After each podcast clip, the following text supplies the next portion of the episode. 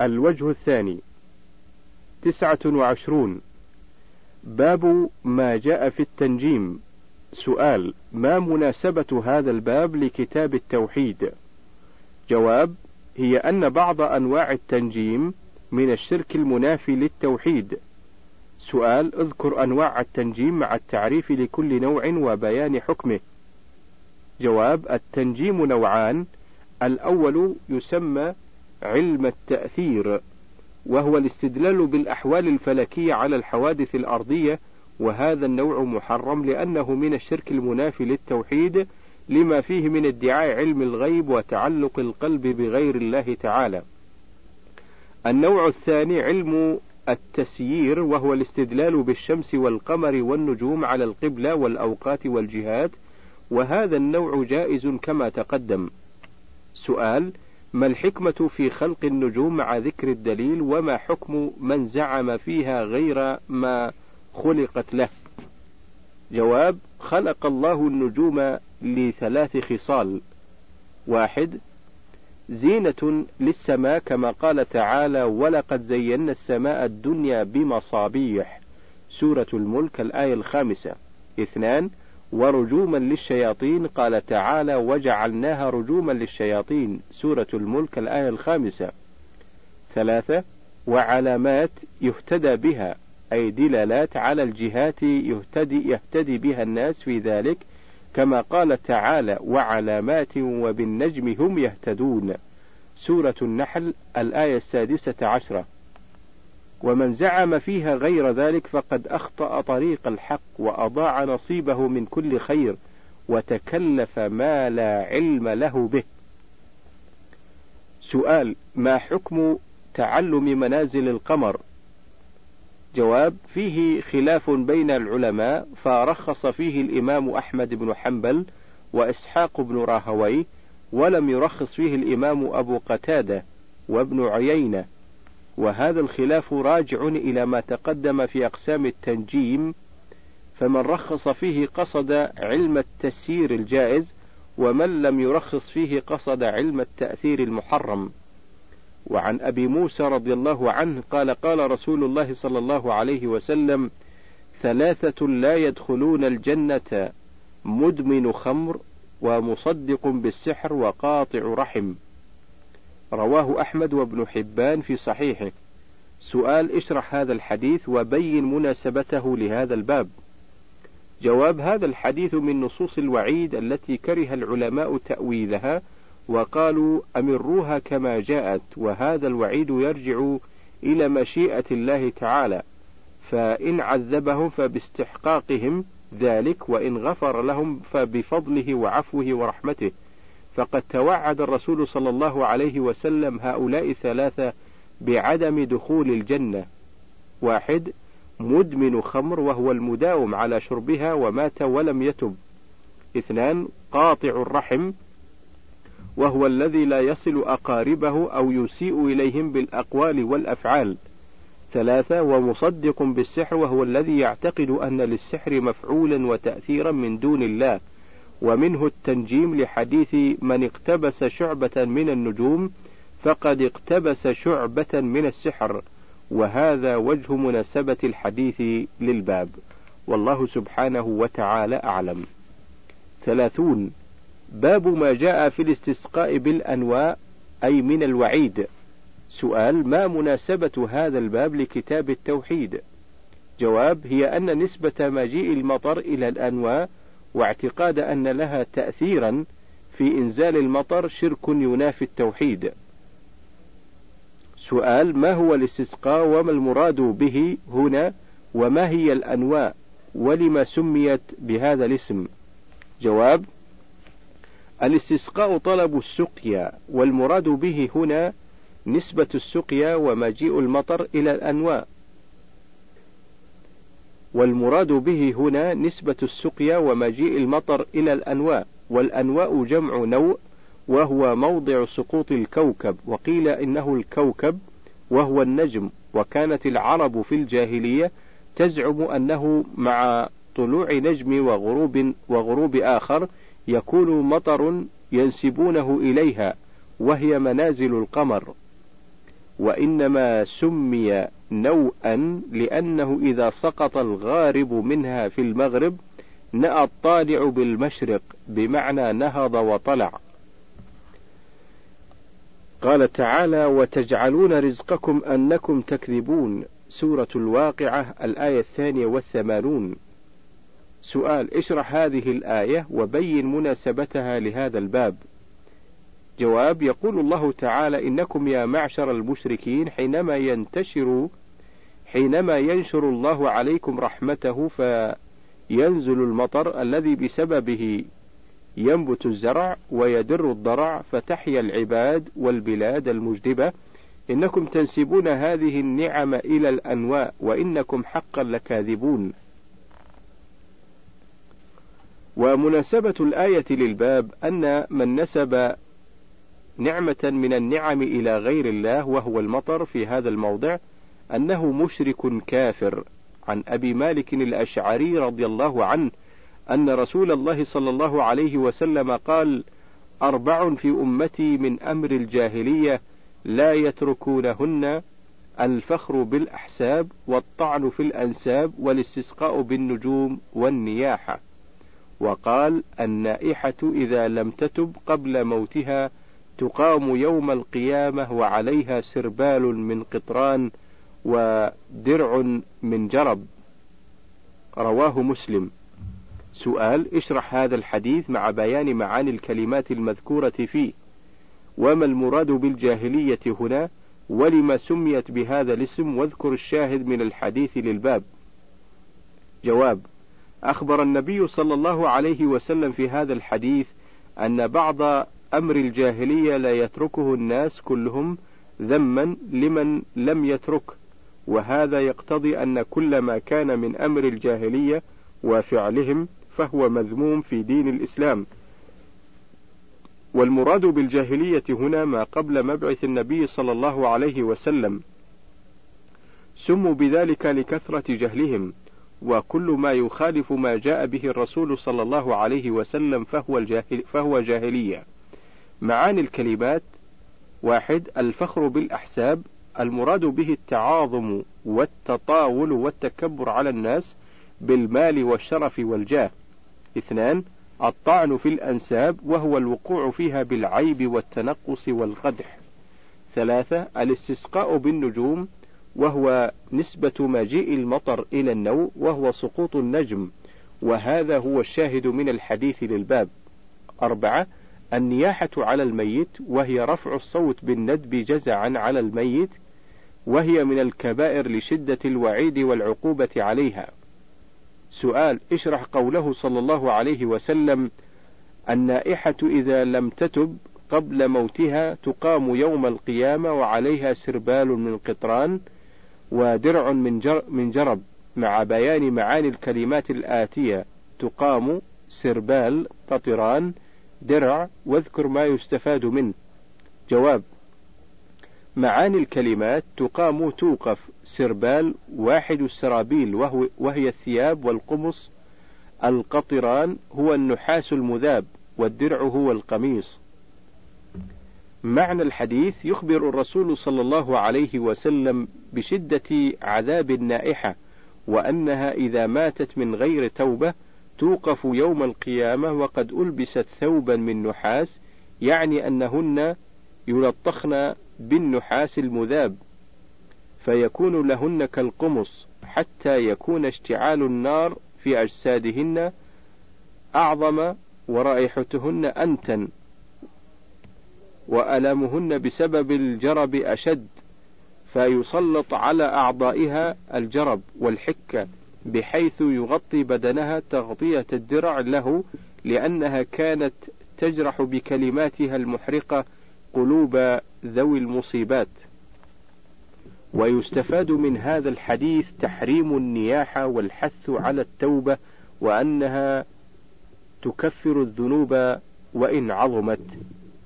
عن زيد بن خالد الجهني رضي الله عنه قال قال صلى الله قال صلى الله عليه وسلم قال لنا قال صلى الله قال صلى لنا رسول الله صلى الله عليه وسلم صلاة الصبح بالحديبية على إثر سماء كانت من الليل فلما انصرف أقبل على الناس فقال هل تدرون ماذا قال ربكم؟ قالوا الله ورسوله أعلم قال قال أصبح من عبادي مؤمن بي وكافر فأما من قال مطرنا بفضل الله ورحمته فذلك مؤمن بي كافر بالكوكب.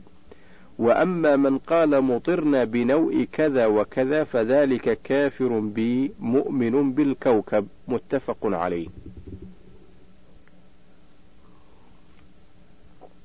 سؤال بين معاني الكلمات الآتية صلى لنا الحديبية إثر السماء انصرف وما معنى الاستفهام في قوله هل تدرون؟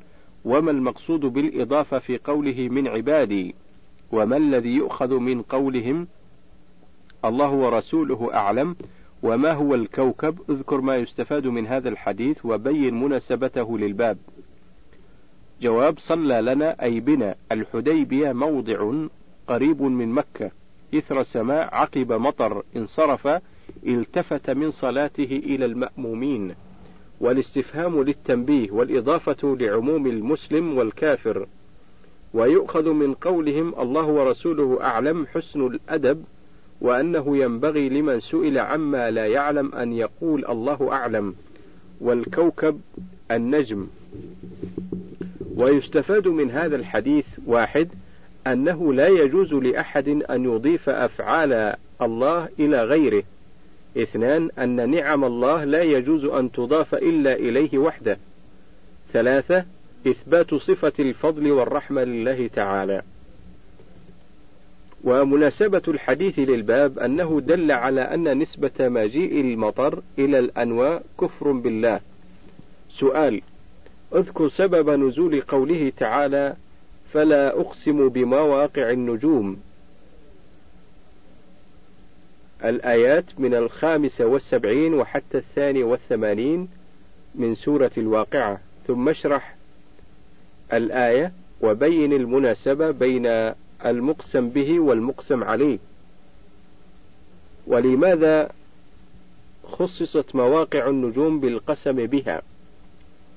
جواب سبب نزول الآيات ما روى البخاري ومسلم عن ابن عن ابن عباس قال: مطر الناس على عهد النبي صلى الله عليه وسلم فقال النبي صلى الله عليه وسلم: أصبح من الناس شاكر ومنهم كافر. قالوا هذه رحمة الله.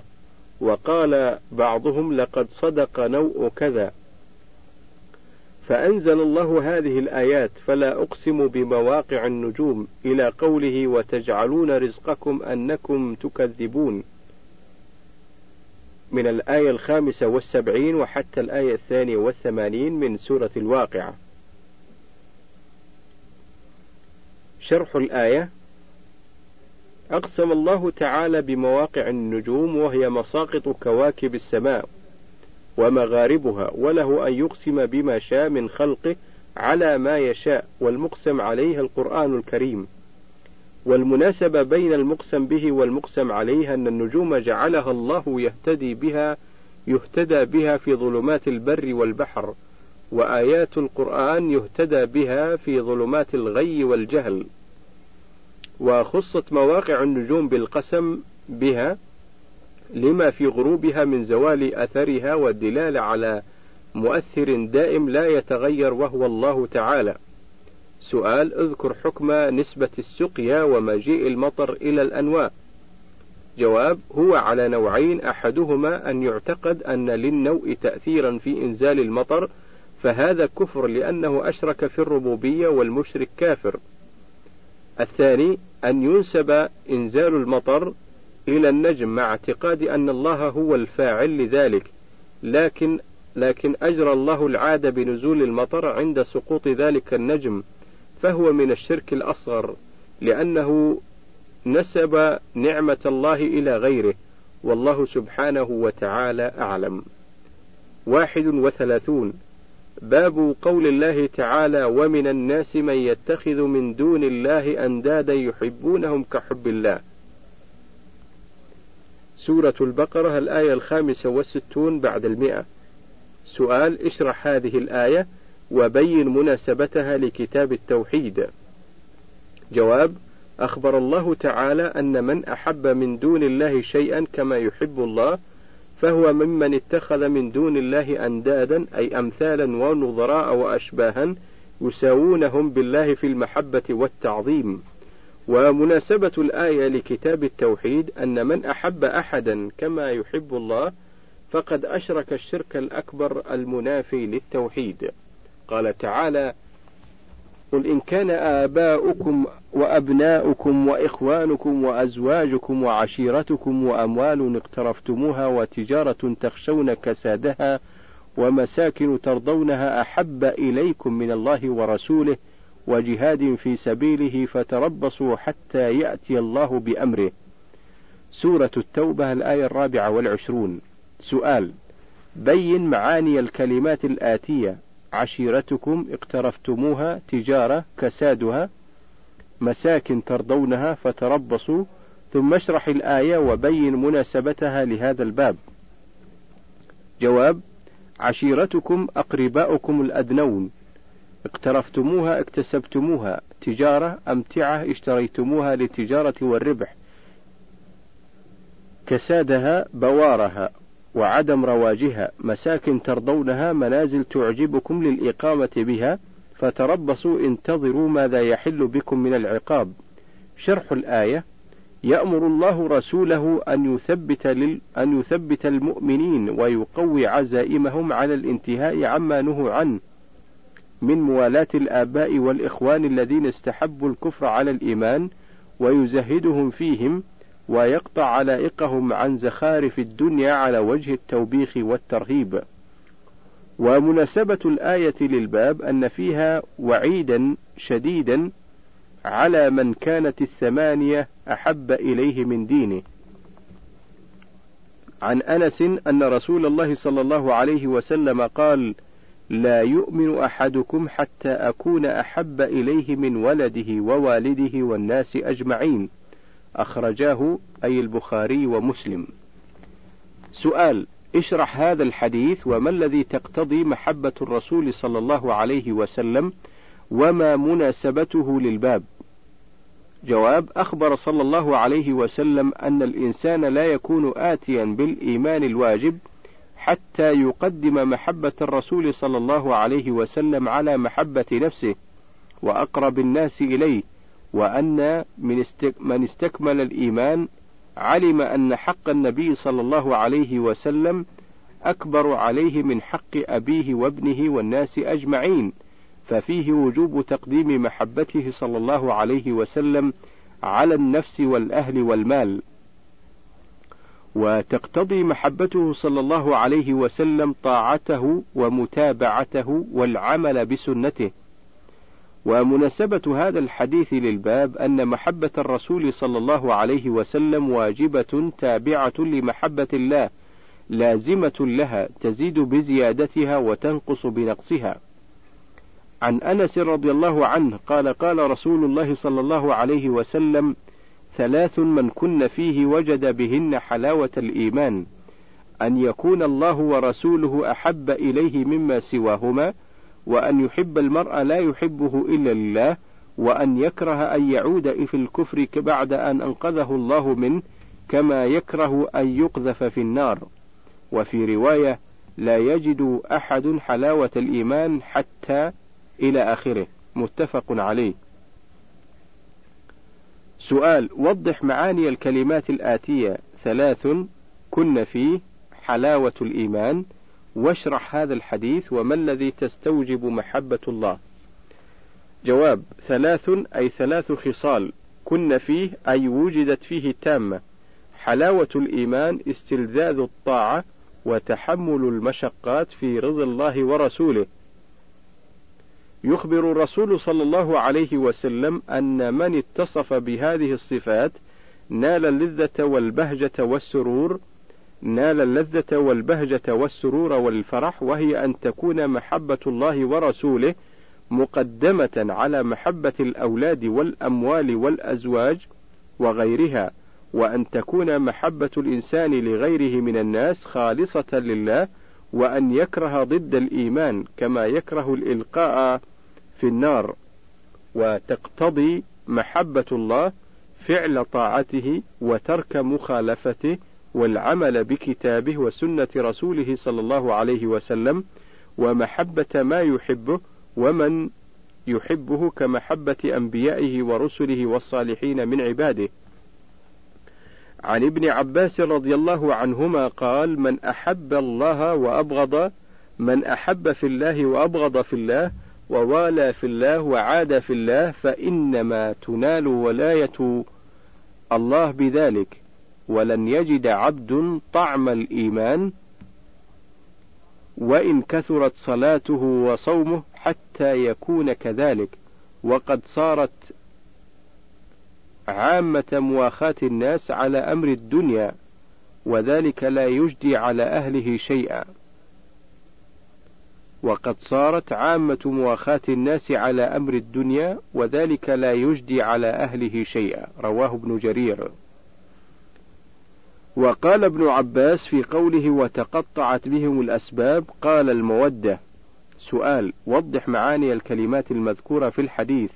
جواب أحب في الله أي أحب أهل الإيمان بالله وطاعته من أجل ذلك. أبغض في الله أي أبغض من كفر بالله وأشرك به وخرج عن طاعته لأجل ما فعلوا مما يسخط الله.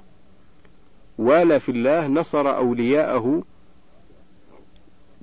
وأهل طاعته وأيدهم. عاد في الله حارب أهل معصيته وجاهد أعداءه. ولاية الله توليه لعبده محبته ونصرته له. ولن يجد أحد طعم الإيمان أي لا يحصل له ذوق الإيمان ولذته وسروره. حتى يكون كذلك أي حتى يحب في الله ويبغض في الله ويعادي في الله ويوالي في الله مواخاة الناس تآخيهم ومحبتهم وموالاتهم على شؤون الدنيا لا يجدي على أهله شيئا أي لا تنفعهم محبتهم لأجل الدنيا بل تضرهم. سؤال: ما معنى قوله تعالى: وتقطعت بهم الأسباب؟ جواب: المعنى أن المشركين مع الله في المحبة في الدنيا انقطعت عنهم هذه المحبة في الآخرة، ولم تغن عنهم شيئا، وتبرأ بعضهم من بعض، فينقطع يوم القيامة كل سبب ووسيلة كانت لغير الله. سؤال: اذكر أنواع المحبة مع التعريف لكل نوع. جواب: المحبة أربعة أنواع. واحد: محبة الله وهي أصل الإيمان والتوحيد. اثنان: المحبة في الله وهي محبة أنبياء الله ورسله وعباده الصالحين، ومحبة ما يحبه الله من الأعمال والأزمنة والأمكنة وغيرها وهذه تابعة لمحبة الله ومكملة لها. ثلاثة محبة مع الله وهي محبة المشركين لآلهتهم وأندادهم من شجر وحجر وبشر وملك وغيرها وهي أصل الشرك وأساسه. أربعة محبة طبيعية وهي ثلاثة أقسام. ألف محبة إجلال وإعظام كمحبة الوالد. باء محبة شفقة ورحمة كمحبة الولد. جيم محبة مشاكلة واستحسان كمحبة سائر الناس. وكذلك محبة الطعام والشراب واللباس والنكاح ونحوها. وهذه إذا كانت مباحة وأعانت على طاعة الله فهي عبادة وإن توسل بها إلى محرم فهي محرمة وإلا بقيت من أقسام المباحات. سؤال ما هي الأسباب الجالبة لمحبة الله لعبده ومحبة العبد لربه؟ جواب عشرة واحد قراءة القرآن بالتدبر والتفهم لمعانيه وما أريد به. اثنان التقرب إلى الله بالنوافل بعد الفرائض. ثلاثة دوام ذكر الله على كل حال باللسان والقلب والعمل. أربعة إيثار محابه على محابك عند غلبات الهوى. خمسة مطالعة القلب لأسمائه وصفاته ومشاهدتها. ستة مشاهدة بره وإحسانه ونعمه الظاهرة والباطنة. سبعة انكسار القلب بين يديه. ثمانية الخلوة به وقت النزول الإلهي. آخر الليل. تسعة مجالسة المحبين الصادقين والتقاط أطائب ثمرات كلامهم. عشرة مباعدة كل سبب يحول بين القلب وبين الله عز وجل. فمن هذه الأسباب العشرة وصل المحبون إلى منازل المحبة ودخلوا على الحبيب. مدارج السالكين لابن القيم الجزء الثالث الصفحة السابعة عشرة. والله سبحانه وتعالى أعلم. اثنان وثلاثون. باب قول الله تعالى إنما ذلكم الشيطان يخوف أولياءه فلا تخافوهم وخافون إن كنتم مؤمنين. سورة آل عمران الآية الخامسة والسبعون بعد المئة. سؤال من هو المخاطب في هذه الآية؟ وما المقصود بالشيطان وما المراد بأوليائه؟ اشرح هذه الآية وبين مناسبتها لكتاب التوحيد.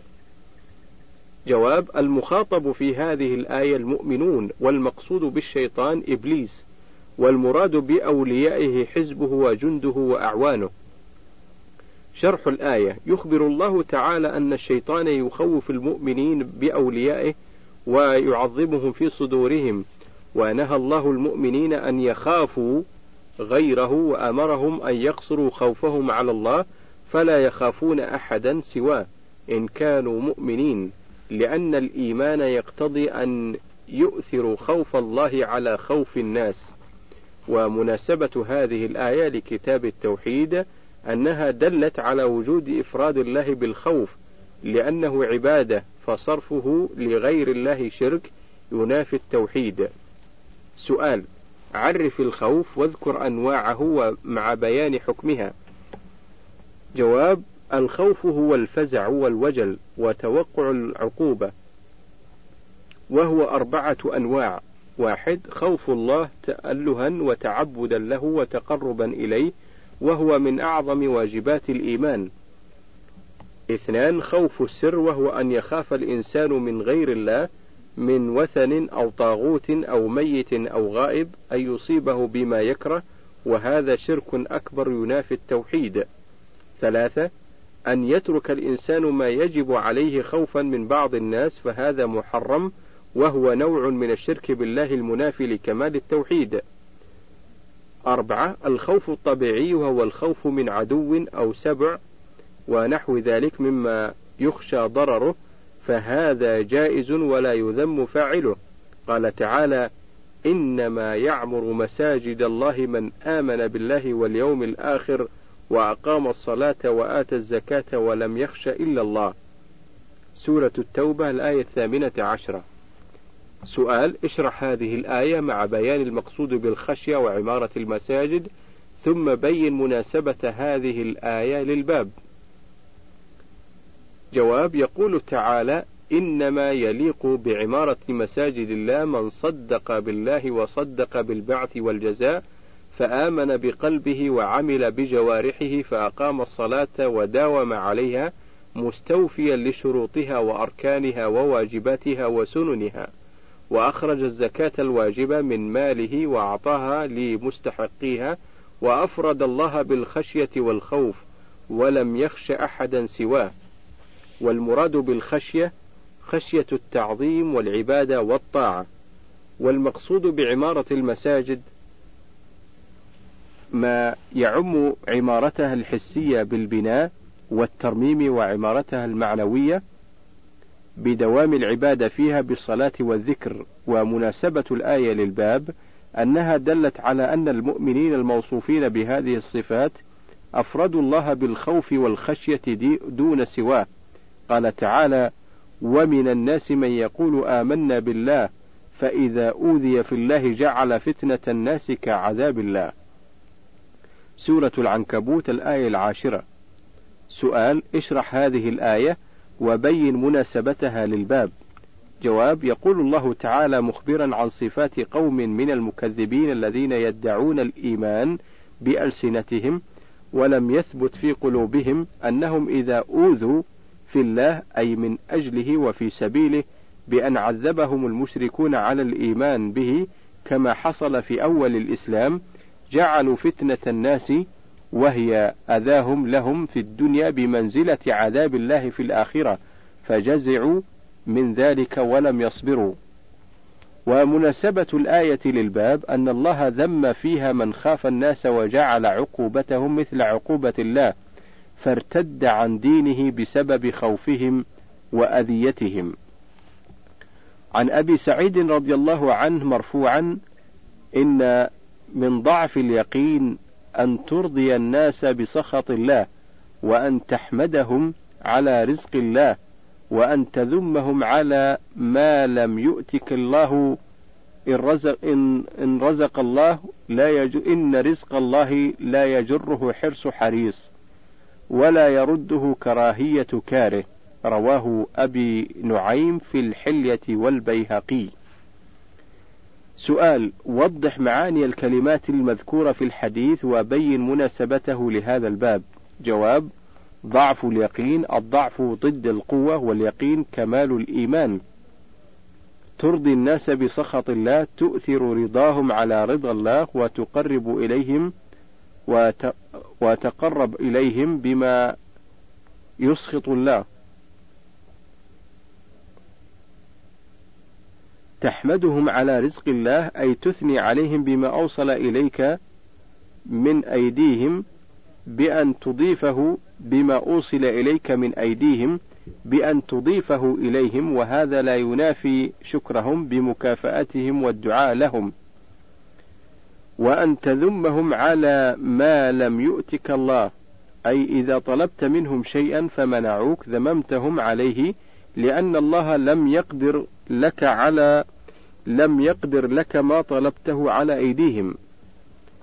فمن علم أن الله هو المنفرد بالعطاء والمنع وأنه هو الذي يرزق العبد من حيث لا يحتسب لم يمدح مخلوقا على رزق ولم يذمه على منع بل يفوض أمره إلى الله ويعتمد عليه. ولهذا قال صلى الله عليه وسلم إن رزق الله لا يجره حرص حريص ولا يرده كراهية كاره. أي إذا قدر لك رزقا أي إذا قدر لك رزقا أتاك ولو اجتهد الخلق في منعه. وإذا لم يقدر لك لم يحصل ولم ولو اجتهدوا في إيصاله إليك. ومناسبة الحديث للباب أن فيه ذما لمن خاف الناس وقدم رضاهم على رضا الله. عن عائشة رضي الله عنها أن رسول الله صلى الله عليه وسلم قال: من التمس رضا الله بسخط الناس رضي الله عنه وأرضى عنه الناس، ومن التمس رضا الناس بسخط الله سخط الله عليه وأسخط عليه الناس، رواه ابن حبان في صحيحه. سؤال: ما معنى التمس واذكر ما يستفاد من هذا الحديث وبين مناسبته للباب. جواب: معنى التمس طلب ويستفاد من هذا الحديث واحد أن من اتقى الله كفاه مؤونة الناس اثنان الحث على تقديم رضا الله على رضا الناس والتحذير من ضده. ثلاثة أن من أرضى الناس بسخط الله لم يغنوا عنه من الله شيئا. أربعة إثبات صفتي الرضا والسخط لله تعالى كما يليق بجلاله وعظمته.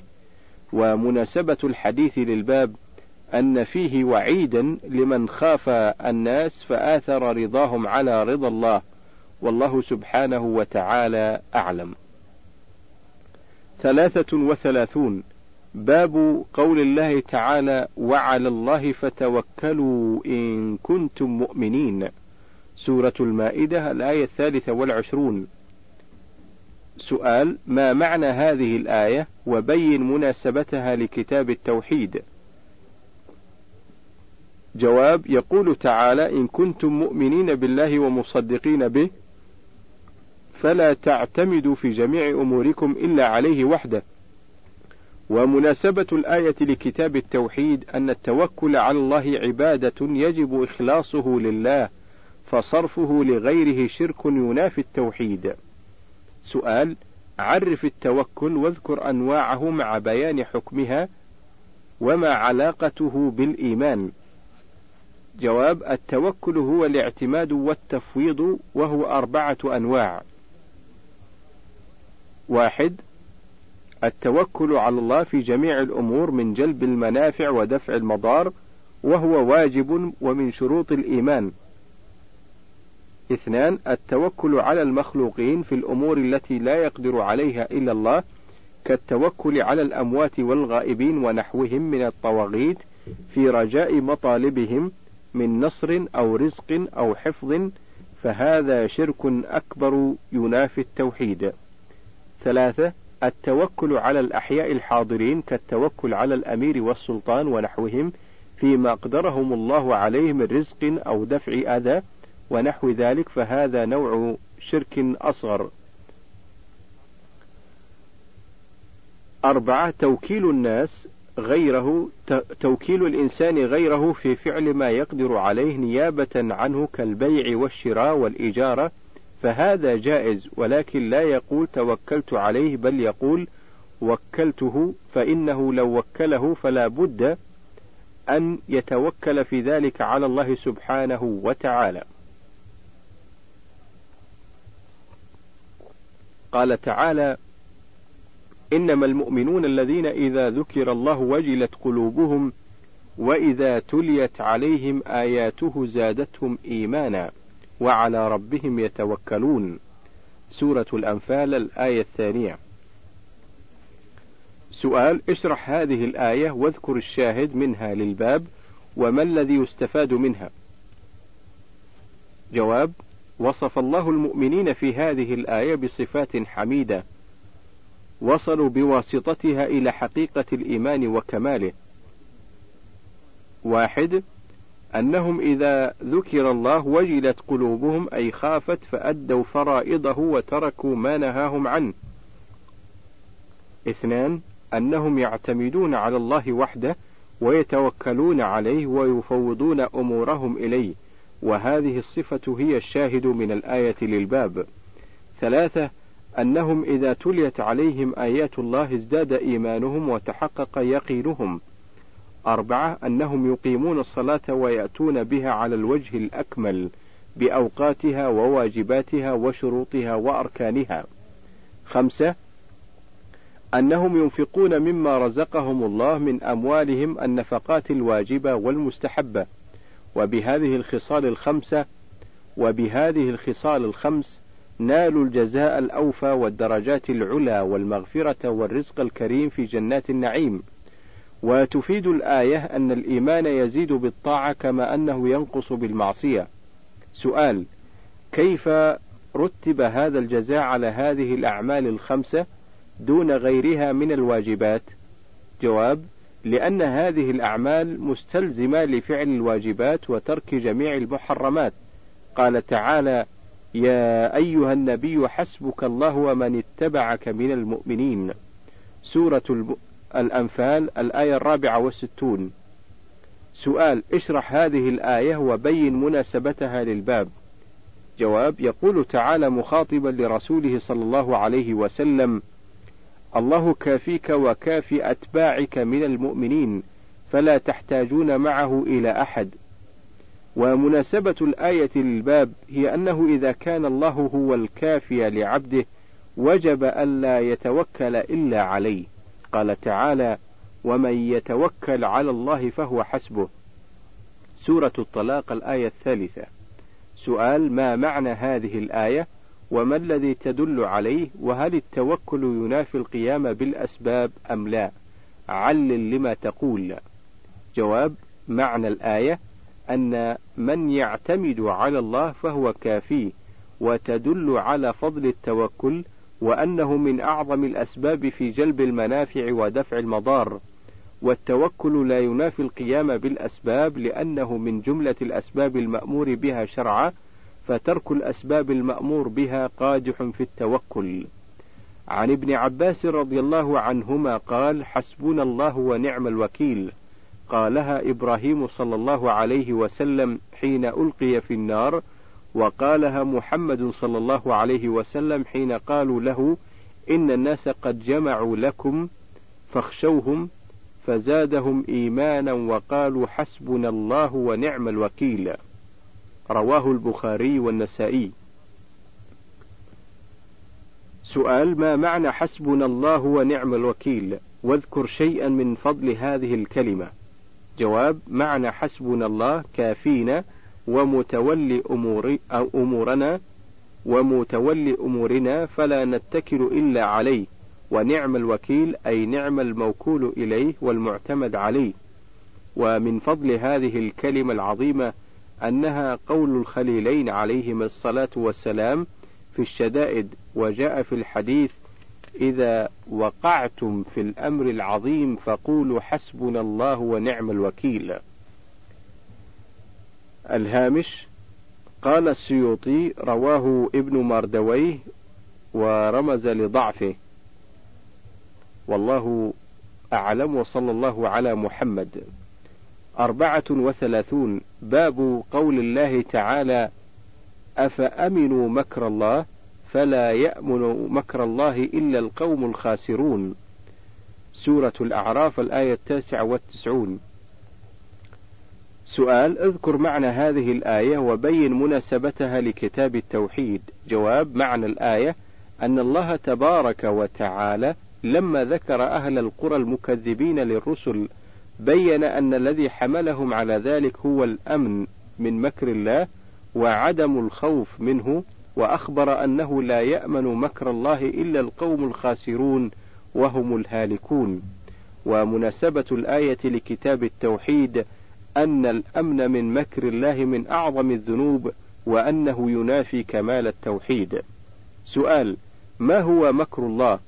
جواب: مكر الله قال ابن كثير: بأسه ونقبته وقدرته عليهم وأخذه إياهم في حال سهوهم وغفلتهم. قال ابن جرير: هو استدراج الله إياهم بما أنعم به عليهم الهامش انظر تفسير ابن كثير الجزء الثاني الصفحة الرابعة والثلاثين بعد المئتين وكذا تفسير ابن جرير الجزء الثاني عشر في الصفحة التاسعة والسبعين بعد الخمسمائة طبعة المعارف. انتهى الهامش. يعني أن الله تعالى يسبغ على العبد نعمه على عصيانه وكفره ثم يأخذه بغتة وهو لا يشعر. سؤال اذكر مقصود المؤلف بهذا الباب. جواب مقصود الت... مقصوده التنبيه على وجوب الجمع بين الخوف والرجاء. قال تعالى ومن يقنط من رحمة ربه إلا الضالون. سورة الحجر الآية السادسة والخمسون. قال تعالى ومن يقنط من رحمة ربه إلا الضالون. سورة الحجر الآية السادسة والخمسون.